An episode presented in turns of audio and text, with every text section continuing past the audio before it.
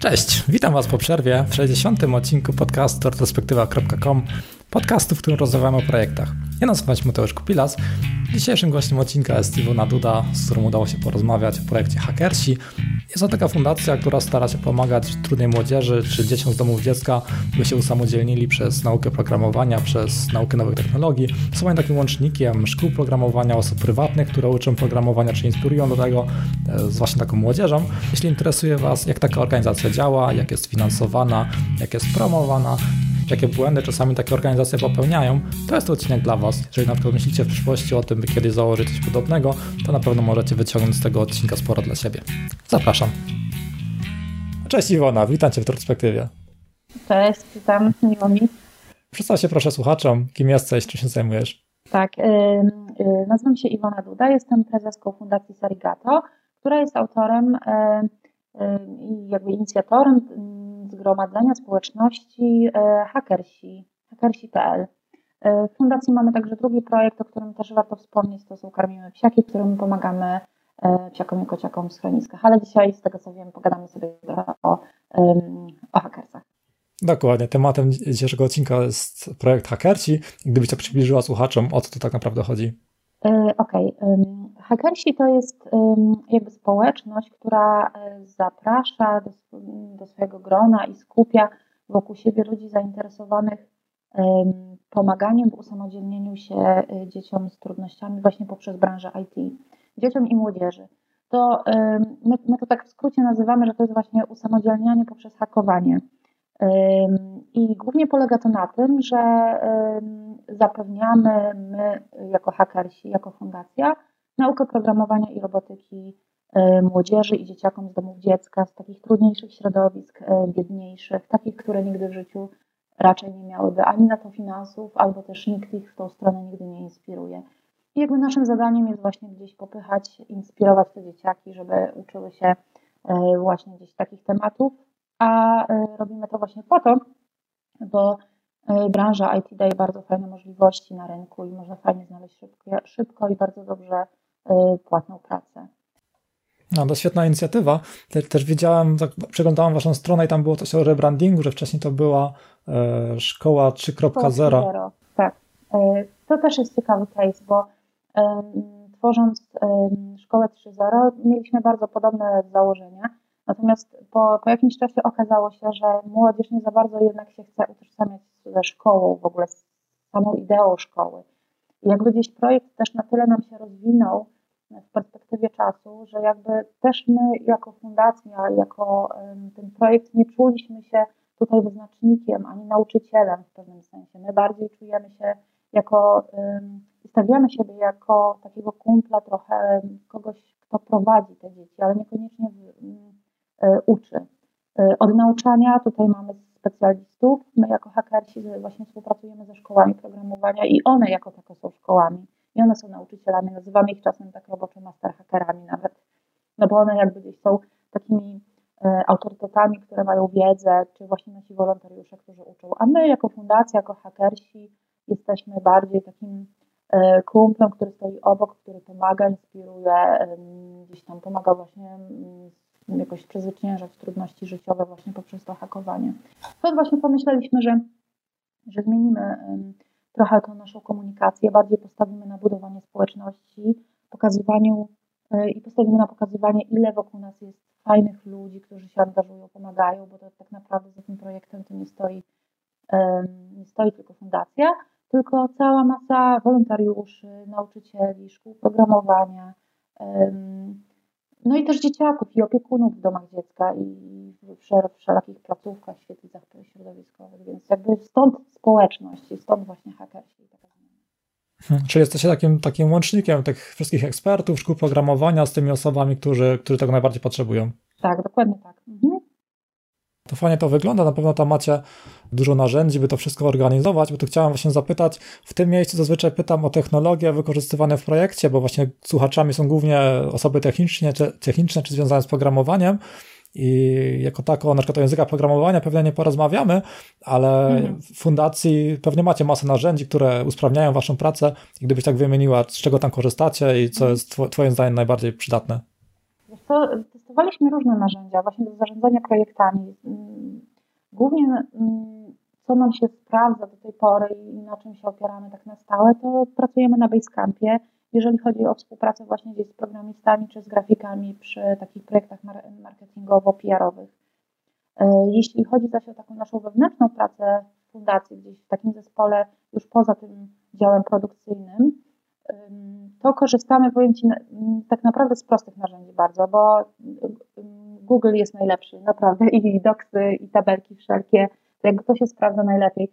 Wcześniej e, testowaliśmy Asanę i powiem, że też fajnie to wygląda, jakby gdzieś dobrze nam się pracowało na tym, zarządzało projektami, jednak e, wydawało mi się trochę, że czasami jest trochę przerost formy nad treścią, że jakby nie jest to aż tak nam potrzebne. Teraz oczywiście są większe wyzwania w związku z pracą zdalną, bo też wszyscy pracujemy zdalnie, e, więc tutaj rzeczywiście czasem wracają do mnie takie myśli, czy, czy, czy znowu nie przerzucić się na same, nie rozpisywać sobie tych projektów właśnie na, na osoby, które nimi zarządzają, nie przypisywać sobie tasków i zadań do wykonania. No i tutaj jakby gdzieś pewnie z zespołem sobie jeszcze przegadamy ten wątek kiedyś, E, ale na razie bardzo nam właśnie fajnie się sprawdza praca na tabelkach, na doksach i, i takie statusy, gdzie się zwalniamy po prostu i omawiamy co e, takich krótkich sprintach, no już tak mówiąc e, słownikiem IT. Tak, no tak wygląda. Okej, okay, tak ja się zastanawiałem, bo właśnie na pewno komunikujecie się, właśnie tak jak na przykład do mnie się odezwaliście przez jakąś komunikację, czy możemy coś zrobić, czy macie tu na przykład jakieś dodatkowe, dedykowane narzędzie do takiej komunikacji, e, do kogo się odezwać, po jakim czasie się przypomnieć i tak dalej, czy jest to po prostu takimi tabelkami załatwiane? Wiesz co, załatwiamy to na razie tabelkami. E, też się zastanawiałam, czy nie wprowadzać e, takich narzędzi. Natomiast nie mamy aż tyle osób, do których musielibyśmy często i firm, do których musielibyśmy się odzywać. To są raczej takie współprace, o których wiemy na bieżąco i raz na czas sobie robimy gdzieś tam przypominajkę do tych starszych, e, z którymi już od dłuższego czasu nie mamy nic do, nie mamy jakichś takich aktualnych projektów, ale zazwyczaj to też jest tak, że jak wiesz, wypuszczamy jakąś akcję marketingową, czy coś się dzieje, czy jest na przykład zbiórka jednoprocentowa, no to przypominamy się do wszystkich po kolei, więc tak czy siak nie musimy mieć żadnego CRM-a, który nam gdzieś tam o tym przypomni, tylko bardziej po prostu lecimy od góry do dołu po tabelce, że o dobra, trzeba się do tej firmy odezwać, do tej, do tej. Tutaj mamy listę darczyńców, do których się odzywamy, więc jakby ja jestem też takim zwolennikiem trochę prostoty, że jakby czasem nie trzeba skomplikowanych bardzo narzędzi, żeby, y, żeby proste tematy prowadzić. Wiadomo, fajnie się testuje, ja, ja też uwielbiam sobie różne rzeczy próbować, Natomiast y, no, u nas na razie najlepiej się sprawdzają te, te proste rzeczy. No to też jestem tego zdania, że tak na przykład masa tych rzeczy ma się wszędzie w tych narzędziach i też przechodzę często do tego, że mam na przykład całą ścianę obklejoną jakimiś tam notatkami, jakimiś workflowami, że mając takie analogowe rzeczy, jakoś nie wiem, lepiej się z tym czuję, też mi się z tym dobrze pracuje. Tak, właśnie, bo wiesz, to też jest kwestia zespołu, bo ja sobie też wyobrażam, że jak jest duży zespół, bardzo podzielony w firmach i rzeczywiście, że gdzie gdzie na przykład handlowcy mają swoje określone firmy i trzeba jakby pilnować, nadzorować, jak często, kiedy do kogo się przypomnieć w temacie, no to rzeczywiście może to być wymagane, żeby gdzieś mieć jakiś system, który pomaga. Ale e, na te nasze potrzeby dzisiejsze, na te projekty, które prowadzimy i na ten zespół, który mamy dość niewielki wciąż, to e, spokojnie wystarcza to, co mamy i, i, i to jest ok. Okej, okay, czyli to był Basecamp i te podstawowe narzędzia googlowskie, mm, te wszystkie doki. Tak. Ok, to może teraz przejdźmy do e, modelu, e, modelu biznesowego i finansowania. Właśnie jak to wygląda w przypadku takiej fundacji? Bo to na przykład, jeżeli ktoś teraz słucha sobie tego, e, klika sobie na ten odcinek i myśli, jak taka fundacja w ogóle może działać, skąd tam się biorą środki. Właśnie już rozmawialiśmy trochę przed podcastem, a gdybyś to przedstawiła właśnie słuchaczom, jak coś takiego postawić na nogi, skąd tam się tak naprawdę biorą fundusze. Okej. Okay. Ja w ogóle powiem Ci, że jestem, ja uwielbiam w ogóle mm, sposób zarabiania i pracy i finansowania, tworzenia modelu biznesowego w takich społecznych inicjatywach, e, bo e, bardzo mnie właśnie inspiruje e, moment, kiedy mogę coś zarabiać, tworzyć coś, co maksymalizuje zysk, ale w momencie, kiedy to nie wędruje gdzieś do mojej kieszeni czy do kieszeni mojego szefa, tylko bardziej do osób potrzebujących. Jakby to jest właśnie bardzo ciekawe, że tak naprawdę modele biznesowe niczym się nie różnią od tego, jak wygląda e, maksymalizacja zysków w normalnej firmie. E, tutaj mamy jedynie taką różnicę, że mamy taki mechanizm jak darowizny i możemy o nie prosić w, w różnej formie. Czyli z jednej strony właśnie mamy indywidualnych darczyńców, którzy gdzieś tam nas wspierają na stronie albo przez różne inicjatywy, które mamy, a z drugiej strony mamy też biznes, który również może nas wspierać poprzez darowiznę. To, to jest jakby jeden model pozyskiwania funduszy, a drugi, drugi model pozyskiwania funduszy to jest działalność gospodarcza, którą też może fundacja prowadzić. W naszym przypadku e, w statucie mamy e, usługi marketingowo-PR-owe i my właśnie specjalizujemy się właśnie w takich e, działaniach promocyjno-marketingowych na rzecz firm, które z nami współpracują i też czasem się tak, w taki sposób rozliczamy, wystawiając po prostu fakturę. Wiadomo, że to nie są jakieś projekty, które my tworzymy na rzecz naszych partnerów jak agencja reklamowa, bo, bo, bo to nie o to chodzi, żeby tworzyć reklamy, tylko bardziej pokazujemy współpracę e, CSR-ową z obszaru społecznej odpowiedzialności biznesu. I takie projekty właśnie tworzymy, o nich opowiadamy, trochę właśnie jak taka agencja może reklamowa, natomiast to wciąż jest oparte bardzo o to, co robimy wspólnie w partnerstwie i o tą społeczną odpowiedzialność biznesu. I tutaj jeszcze warto wspomnieć, że fajnym też modelem finansowym E, do pozyskiwania środków e, dla fundacji są oczywiście granty e, unijne, rządowe, wszelkie takie lokalne, mniejsze, większe. I tutaj my też się tym posiłkujemy. Natomiast akurat ja uważam, że to jest wyróżnik też naszej fundacji, że my bardzo mocno stoimy na, na nogach i gdzieś jakby dużo finansowania mamy właśnie z takich współprac też biznesowych i jakby gdzieś nie, nie opieramy się tylko na darczyńcach i na tym, co nam gdzieś spadnie z nieba w przypadku grantów, tak jak dużo jednak fundacji robi, tylko bardzo staramy tak się proaktywnie mm, poruszać na rynku i gdzieś inicjować pewne działania. Tak jak y, mm, zainicjowaliśmy ten kontakt z Tobą, tak inicjujemy właśnie różne projekty, współpracę e, z firmami. Więc to są jakby takie najbardziej popularne modele. E, fajne też, fajne jest też to w tego typu działaniach, że fundacje mają e, sprawozdanie finansowe do wglądu w każdym momencie, więc jakby każdy użytkownik, który gdzieś tam e, chciałby prześwietlić, prześwietlić daną fundację, sprawdzić, czy są uczciwi, czy nieuczciwi, jak, jak wykorzystują środki, na co, e, skąd je pozyskują też, to jak najbardziej sobie można to sprawdzać właśnie w internecie w, w, w, poprzez EKRS i tam sprawdzać te mm, sprawozdania finansowe. Więc dlatego też mi jest łatwo o tym opowiadać, bo jakby to i tak jest jawne, prawda? I, i, ja chętnie się tym chwalę, bo transparentność u nas to jakby stawiam zawsze też na pierwszym miejscu. No to fajnie to wygląda dobrze, tak to właśnie transparentnie podchodzicie, bo tak, tak szczerze mówiąc, mi się, zawsze, mi się często przy takich fundacjach odpala zawsze taka lampka, czy to, to, nie jest tak naprawdę normalna działalność plus optymalizacja podatkowa? No, no nie, ja nie wykluczam, na pewno jest szereg takich fundacji, ale powiem Ci, że też E, obserwuję, że, e, że już e, użytkownicy i ludzie, odbiorcy już są bardziej właśnie wyczuleni, zresztą tak jak ty, prawda? I jakby gdzieś już tutaj jakieś motanie, krętactwo już bardzo łatwo jest wyłapać. Wszystko można szybko sprawdzić w dzisiejszej dobie internetu. Więc tu, no właśnie transparentność jedynie to jest jedyna droga tak naprawdę do, do długotrwałego takiego działania w oparciu o zaufanie darczyńców i partnerów biznesowych.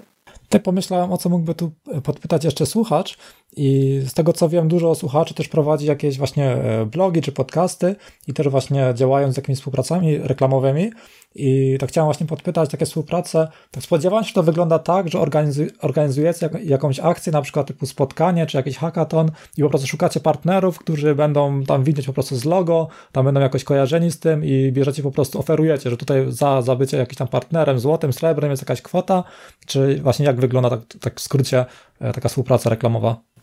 Mm, dokładnie tak, jak opowiadasz. Akurat hackathonów osobiście jeszcze nie robiliśmy, chociaż marzy nam się taki hackathon do dzieciaków E, właśnie, którymi się opiekujemy. E, ale to są zazwyczaj takie mm, eventy skierowane właśnie do dzieci, inspirujące je do nauki, czyli jakieś takie pogadanki z e, programistami, czy na przykład właśnie często zapraszamy naszego kolegę Łukasza, który był współtwórcą Wiedźmina, więc on opowiada o tym, jak to jest projektować grę komputerową, co znowu dla dzieci to jest, czy dla młodzieży to jest wiesz, wielkie wow i one po prostu z otwartą buzią słuchają, zadają pytania. Więc to jest właśnie taki event inspirujący, gdzie też pokazuje, zapraszamy e, firmy, które robią pokazy z robotów czy z wirtualnej rzeczywistości, gdzieś można się tym pobawić. A tak sobie myślę, jak najbardziej tutaj logotyp i pokazujemy partnerów wydarzenia zawsze.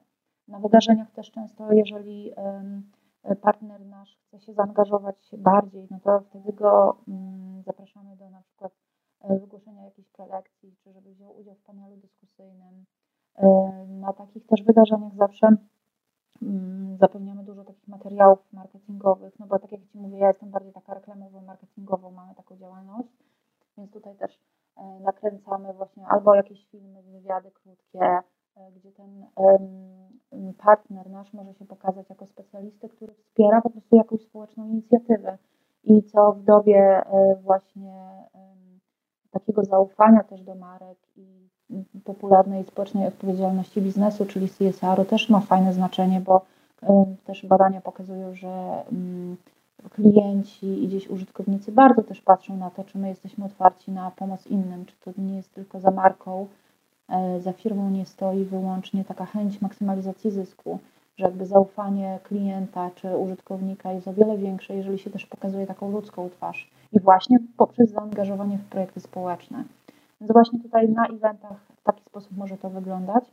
Mamy też bardzo fajne takie partnerstwa e, w obszarach online, że jakby nie trzeba gdzieś się pojawiać, pokazywać, wypowiadać, tylko gdzieś wystarczy nas e, poprzeć, gdzieś nawet wspierając nas tak wirtualnie. No, tutaj mogę na przykład e, rzucić, e, i to widzisz, to jest też reklama, firma Just Join IT, na pewno kojarzycie, e, oni prowadzą taki portal z rekrutacją dla specjalistów branży IT. I na przykład wymyślili sobie kiedyś olimpiadę Just Join IT, która polegała na tym, i rzeczywiście ona była, wiesz, taką offline'ową olimpiadą na stadionie olimpijskim, gdzie na przykład był rzut dyskiem twardym dla programistów, nie? No, no, widziałem, śledziłem to. Super to było. Albo wiesz, spacer dewelopera, nie? Czyli zamiast farmera, wiesz, takimi obciążeniami, to tam były jednostki. E, I super to było, wiesz, wydarzenie bardzo fajne dla, dla branży.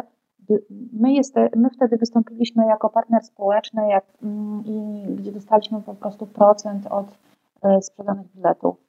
Więc tutaj jakby też naszym zadaniem było gdzieś e, pokazywać potem Just Join IT i wspominać o nich, za to, że nas po prostu tak fajnie wspierają i gdzieś są naszym takim dobrym duchem, który gdzieś razem z nami tworzy tą społeczność hackersów. E, na przykład e, są też firmy, które gdzieś organizują sobie jakieś eventy takie integracyjne same dla swoich firm, jak korporacje, swoich pracowników, sorry, jak na przykład duże korporacje i na przykład mieliśmy też taką współpracę z jedną dużą firmą, bodajże Play, tak, która, która zorganizowała sobie właśnie event e, taki integracyjny dla swoich pracowników. Tam był, była jakaś forma grywalizacji dla pracowników, zbierało się punkty e, i potem firma te punkty zamieniała na wsparcie dla dzieci właśnie uczących się programowania i robotyki. Więc jakby to tak naprawdę to pracownicy zbierali E, godziny nauki dla, tak już mówiąc wprost, dla, dla tych dzieci potrzebujących. E, mamy też takie fajne współprace z, e, z, właśnie z blogerami albo z osobami gdzieś tam pojawiającymi się, promującymi swoje produkty, sprzedającymi kursy online na przykład pojawiają się. I to jest też, to jest też bardzo ciekawe, bo na przykład mieliśmy kurs czy, tak, kurs, który też e, część dochodów właśnie ze sprzedaży tego kursu został przeznaczony na nas. Więc to, I też my oczywiście w naszym interesie było pokazywanie tego kursu i gdzieś chwalenie, a tym samym jakby robienie zasięgu dla, dla danej marki, firmy czy osoby, która coś sprzedaje. Więc jakby tutaj ta współpraca nasza polega na tym, że tworzymy sobie wspólnie jakąś akcję CSR-ową, czyli w obrębie społecznej odpowiedzialności biznesu. Coś, co e, możemy, może jakiś taki obszar, gdzie możemy wesprzeć dzieciaki w nauce poprzez właśnie albo wiedzę, merytorykę, albo poprzez pozyskanie funduszy. Natomiast my ze swojej strony oferujemy e, właśnie reklamę i tak zwane publicity, czyli gdzieś opowiadamy właśnie o tych firmach dalej. Wysyłamy notatki prasowe, mailingi, bo też jakby mamy taką możliwość, mamy bazy w fundacji dosyć fajne Programistów mamy fajnych i grafików, którzy tworzą piękne materiały. A właściwie mamy fundację, mamy agencję, która nas wspiera właśnie w tym zakresie też. Więc jakby też możemy oferować bardzo fajne materiały bardzo takie nieszablonowe mm, podejście do, do tematów, do opowiadania potem o tym wsparciu, o tych akcjach. Czyli mhm. robimy najpierw coś fajnego i potem dużo o tym opowiadamy dzięki temu firma zyskuje. Czyli takie, takie win-win-win, że wszystkie, wszystkie strony coś zyskują, jeszcze przy okazji jest jakaś akcja charytatywna, i, i to, właśnie tutaj tak. wspominałaś o Just Join IT i tutaj mogę jeszcze odesłać słuchaczy, bo kiedyś właśnie też nagrywałem podcast z założycielem Just Join IT, mhm. E, z Piotrem. E, I to można sobie zobaczyć retrospektywa.com ukośnik 33. W 33 odcinku można sobie posłuchać historię, jak ten portal powstał dla zainteresowanych. I, i też, też przy okazji, bo właśnie e, ja też rozwijam taką, ta, taką grę właśnie o programistach, taką grę karcianą i też kiedyś zorganizowałem akcję, że można było wylicytować własną kartę w tej grze, płacąc na akcję charytatywną i tam też Just Join IT chyba wylicytowało własną kartę, chyba 5000 zł wtedy przekazali, by być na karcie, więc e, pozdrawiamy, na pewno fajna firma. No właśnie, oni są tacy bardzo fajni społecznie, więc dużo rzeczy robią, więc zachęcam wszystkich, żeby tak robili, to, to wtedy będziemy opowiadać też dalej i to się fajnie szerzy i karma wraca, jak to się mówi. Dokładnie, tak mówimy właśnie o, o, tych pozytywach, jak to wszystko fajnie wychodzi, a teraz może o tym, e, co, co po drodze nie wychodziło, bo w tym momencie podcastu często pytam właśnie o, o błędy, gdybyście zaczynali z taką właśnie fundacją od nowa, e, co byście chcieli sobie powiedzieć tam sprzed paru lat, jakich błędów nie popełniać jako fundacja? Powiem Ci, że to jest, e, myślałam o tym, co tu wypunktować takiego ciekawego i powiem Ci, że na pierwszym miejscu to bym postawiła chyba jednak żeby zwracać bardzo uwagę na to, z kim się współpracuje. I to w takim szerokim bardzo zakresie, żeby gdzieś zawsze weryfikować dwa razy, e, z kim się podpisze umowę. I tu pod kątem firmy, e, gdzieś partnera biznesowego, pod kątem e, no, pracowników, chociaż my takich case'ów nie mieliśmy, ale jakieś takie zewnętrzne nawet współprace nam się zdarzały w fundacji, gdzie wydawałoby nam się nawet, że jakiś celebryta nam dużo dobrego wniesie, że dużo nam pomoże. My też dużo wtedy od siebie dawaliśmy zawsze. A zdarzały nam się naprawdę takie współprace, gdzie no jednak byliśmy wykorzystywani i, i to jakby gdzieś.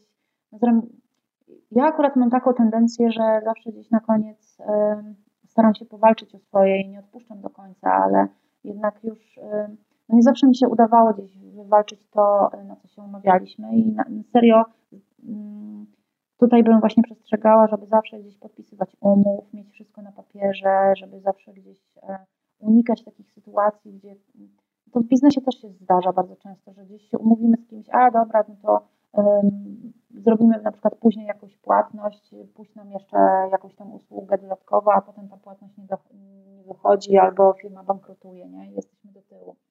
E, I to samo jest właśnie w fundacji, akurat w takim naszym modelu podejściu dosyć takim mocno biznesowym że właśnie trzeba zwrócić uwagę na to, z kim się współpracuje i, e, i mieć właśnie wszystko na papierze poukładane, dogadane, co się daje w zamian i jakby na co zawsze ja bym przed tym przestrzegała, żeby właśnie unikać takiego podejścia, e, że a dobra, jakoś to będzie, nie, jakoś się dogadamy, e, bo jednak potem można popłynąć. I nam się zdarzyło parę razy, przyznaję. No dokładnie, już tak w, na, w najmniejszym w ogóle e, stopniu to warto przynajmniej jednego jakiegoś takiego maila wysłać, żeby mieć to w jednym miejscu dobrze tak. zebrane, nawet niekoniecznie umowy, wiadomo, na jakąś większą kwotę to trzeba mieć umowy, ale takie podstawowe założenia to warto po, po omówieniu tego jakoś po prostu umówić się, ok, teraz zbieramy to przynajmniej w maila, żeby to mieć w jednym miejscu tak, faktycznie tak. wysłane.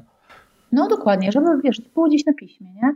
I wtedy zawsze się można do tego odnieść, powiedzieć, ej zobacz, dogadaliśmy się, klepnąłeś mi to, więc jak ja to mówię, dawaj hajs, nie? No, też już miałem takie historie, że na przykład nie wiem, z jakimś sklepem internetowym współpracowałem, który sprzedawał jakiś mój produkt i potem odzywam się po jakimś czasie i mi mówią, no, że im baza danych, szlak trafił, teraz nie wiedzą, ile się dokładnie sprzedało. No, właśnie. No. Takie akcje słyszałem już. No różne są historie. A wiesz, fundacje, e, ludziom się wydaje, że w ogóle to jest też taki stereotyp, e, z którym walczymy od początku my, bo ludziom się wydaje, że w fundacjach pracują E, osoby niezbyt doświadczone, które nie umieją liczyć może, nie umieją planować, nie znają się na Excelu, które można czasem wykorzystać. Jest taki stereotyp trochę, że gdzieś e, właśnie, że, że fundacje to są takie starsze cioteczki i ciocie, które mają wielkie serce, a niekoniecznie podejście biznesowe. I no, my akurat z tym bardzo walczymy. I, i, i to jest pojęcie na plus, bo zaskakuje to wszystkich naszych partnerów. Zawsze gdzieś, jak podchodzimy do tematu profesjonalnie, mamy plany, realizację, jakieś systemy właśnie, z których korzystamy, na przykład jak robimy mailing, to gdzieś tam zliczamy wszystkie pliki, sprawdzamy, pokazujemy, liczymy CTR-y, więc wiesz, to wszystko jest takie bardzo profesjonalne i jakby gdzieś to zawsze procentuje. Więc my tak trochę biznesowo właśnie tutaj się wyróżniamy pod tym względem. Chociaż wiem, że jest cała masa tak fundacji, które też do tego tak podchodzą. Mhm. I jeszcze tak jako przedostatnie pytanie, reklamowanie projektu, marketing, jak docieracie w ogóle do odbiorców, żeby, żeby o was ktoś słyszał, oprócz tego, że na przykład odzywacie się do ludzi, by na przykład wystąpić w podcaście, tak jak teraz, mhm. jak wygląda u was marketing i co z tego twoim zdaniem najlepiej działa? E, wiesz co, no działamy dwutorowo marketingowo. Z jednej strony my robimy działania wizerunkowe i efektywnościowe. Wizerunkowe e, e, opierają się głównie na, no właśnie cały nasz rebranding to był, to jest stricte działanie wizerunkowe, gdzie chcemy po prostu wykreować e, pewną, pewne przywiązanie do marki, pe, pe, pewną taką, taki obraz nas jako właśnie takiej społeczności. I tutaj to już są, wiesz co, wszelkie działania takie stricte PR-owe, bo jakby w ten wizerunek jakby dużo nie inwestujemy. E, bardziej, e, bardziej staramy się to robić e, na zasadach barterowych, czy takich współpracy właśnie stricte marketer, dziennikarz. Mamy właśnie Anię, która się, którą pozdrawiamy też, która z Tobą się kontaktowała. Która właśnie, Pozdrawiamy. Tak, odpowiada u nas za to i jakby ona właśnie, jej zadaniem jest pozyskiwanie takich współprac dziennikarskich też, gdzieś opisywanie, pojawianie się w różnych miejscach, e, czy właśnie na blogach, czy w magazynach, czy współpraca właśnie też z dziennikarzami, też przy opisywaniu jakichś case'ów, pokazywaniu, więc to, to są takie stricte działania wizerunkowe. Gdzieś pracujemy też ostatnio e, nad tym, żeby trochę w telewizji się pojawić, bo, bo też e, bardzo fajnie się przekłada, jak, no tak trzeba to wprost powiedzieć, na wpłaty, na pomoc, przekłada się jak się gdzieś marka, czy właśnie projekt społeczny po, pojawi, wiesz, e, w faktach TVN, czy na Polsacie w wiadomościach, nie? Więc to są jakby też e, takie działania, które wymagają bardzo dużo czasu i podejścia, bo to trzeba jakoś tam, wiesz, przekopać się e, do tych dziennikarzy. Ale już jak się pojawisz gdzieś w jakichś właśnie faktach, czy w śniadaniowej telewizji, to już potem też fajnie procentuje, gdzie w drugim naszym projekcie też mamy takie obserwacje właśnie w Karmieniu Psiaki, gdzie co jakiś czas gdzieś występują w telewizji jakby gdzieś, gdzieś ten wizerunek ciągle gdzieś się przejawia. Jakby tutaj też um, wizerunkowo właśnie te współprace z markami e, bardzo nam fajnie prezentują, że jakby gdzieś ciągle się um, gdzieś ciągle się pojawiamy, gdzieś ciągle nas ktoś e, widzi, kojarzy i coraz więcej osób gdzieś um, gdzieś jakby sobie to już w głowie układa, kim jesteśmy, co robimy i po co. No to, te, to są właśnie te działania wizerunkowe. Natomiast jeżeli chodzi o efektywnościowe, no to, to, to już są konkretne bardziej liczby i też inwestycje z naszej strony. Tak mówiąc prosto, tutaj ostatnio zaczęliśmy mocno wchodzić w reklamę w, różnych, w różnym stopniu. Część naszego budżetu po prostu inwestujemy w reklamę i oczywiście to nam się zwraca z nadwyżką, więc tutaj też jest bardzo fajne. Jeżeli ktoś właśnie myśli o fundacji, to to też y, gorąco zachęcam, żeby, żeby myśleć tak biznesowo o reklamie, żeby, żeby planować tę reklamę, planować budżety reklamowe, robić mediaplany, yy, układać sobie to wszystko, analizować, potem oczywiście wyciągać wnioski i, i, i potem z powrotem inwestować na tej podstawie y, te zarobione środki w nową pulę w, w reklamę.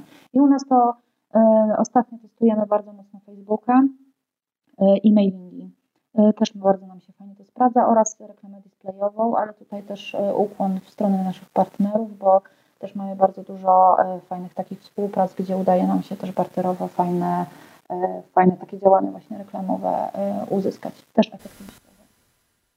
A to w przypadku fundacji, to na, na, jaki cel jest taka ustawiona taka reklama na Facebooku? To tam mierzycie jakąś konwersję faktycznie? Tak, dokładnie mierzymy. Zresztą to zależy, bo na przykład w przypadku kampanii jednoprocentowych, no to mieliśmy, y, naszym celem właśnie było przejście na stronę. Y, I zazwyczaj tak jest, do tej pory tak robiliśmy, ale tu od razu muszę powiedzieć, że od kilku dni mamy możliwość też y, zbierania datków na Facebooku, na zbiórkach urodzinowych, czy poprzez taki donate button.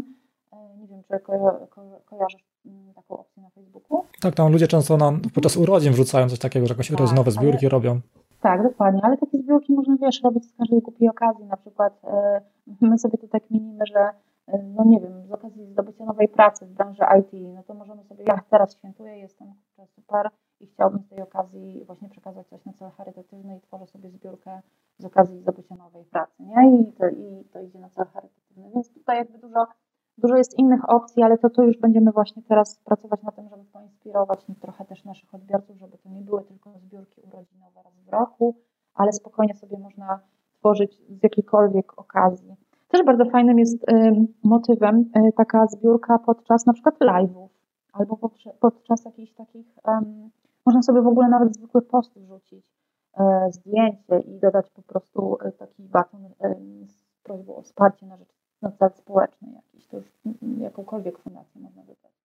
Więc tak, jak u nas, e, u nas na pewno będziemy też teraz mocno testować właśnie wpłaty i darowizny teraz na Facebooku bo tu już mamy taką możliwość od kilku dni. To, to już w sumie szczęśliwa odpowiedź na, na ostatnie pytanie, które chciałam zadać, czyli właśnie Wasze e, plan na przyszłość, e, co jest, co jest kolejne w Waszych planach, w jakim kierunku zmierzacie? E, więc plany na przyszłość mamy dosyć ambitne na najbliższe kilka miesięcy, bo tutaj przede wszystkim chcemy dotrzeć do, do różnych nowych miejsc, w których nas nie ma po prostu, bo teraz sobie wyobraźcie, że jeszcze przed pandemią E, uczy, uczyło się u nas 440 dzieci lub młodzieży. E, I to właśnie na kursach stałych lub na różnych warsztatach, takich jednorazowych eventach. I teraz sobie pomyślcie, że to były 440 osób tylko z Krakowa i Trójmiasta.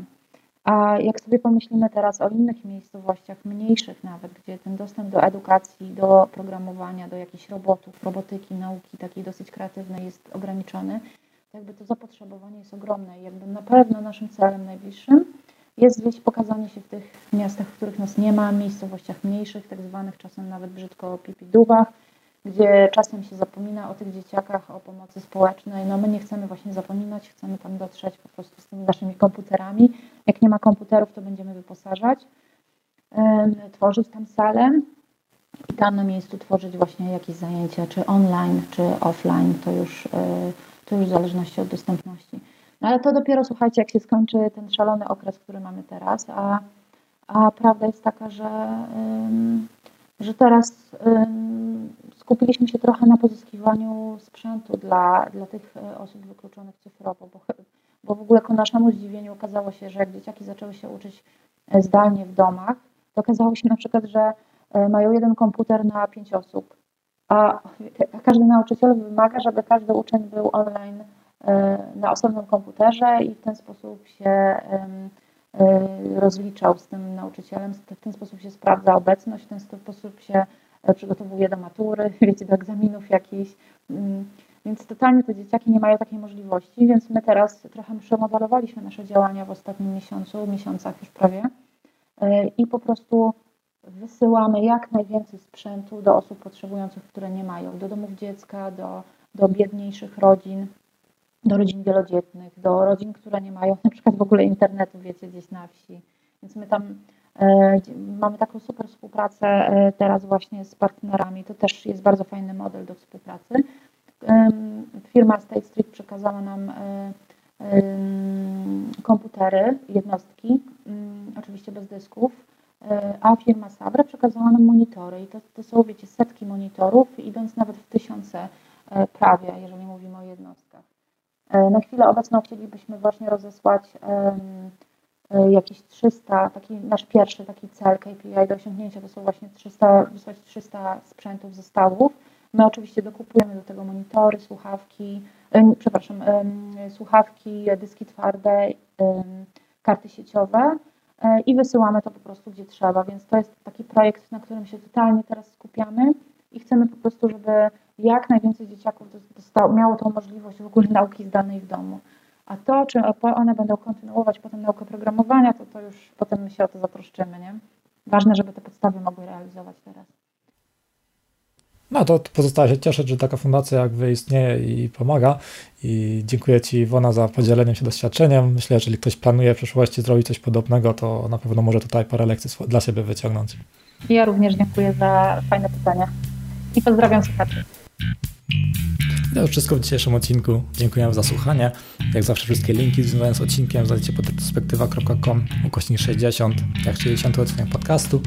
Jak zawsze zachęcam do zgłoszenia się z własnym projektem do odcinka podcastu. Jeżeli coś rozwijacie, e, to nie gryzę. Możecie, możecie się odezwać na przykład na Facebooku i możemy się umówić kiedyś na nagranie. Na koniec jeszcze informacyjnie o podcaście. Ostatnio nie mam niestety tyle czasu, by regularnie co dwa tygodnie nagrywać odcinki. Dodatkowo czasami trudno o gościa po prostu do podcastu, a nie chcę na siłę teraz wrzucać co dwa tygodnie jakiegoś projektu i na siłę kogoś szukać. Jeżeli ktoś się zgłosi, albo akurat tak się zdarzy, że zobaczy jakiś ciekawy projekt i napisze do tej osoby i ta osoba się zgodzi nagrać podcast, to po prostu wrzucę. I to w sumie tyle z mojej strony. Do usłyszenia następnym razem. Cześć.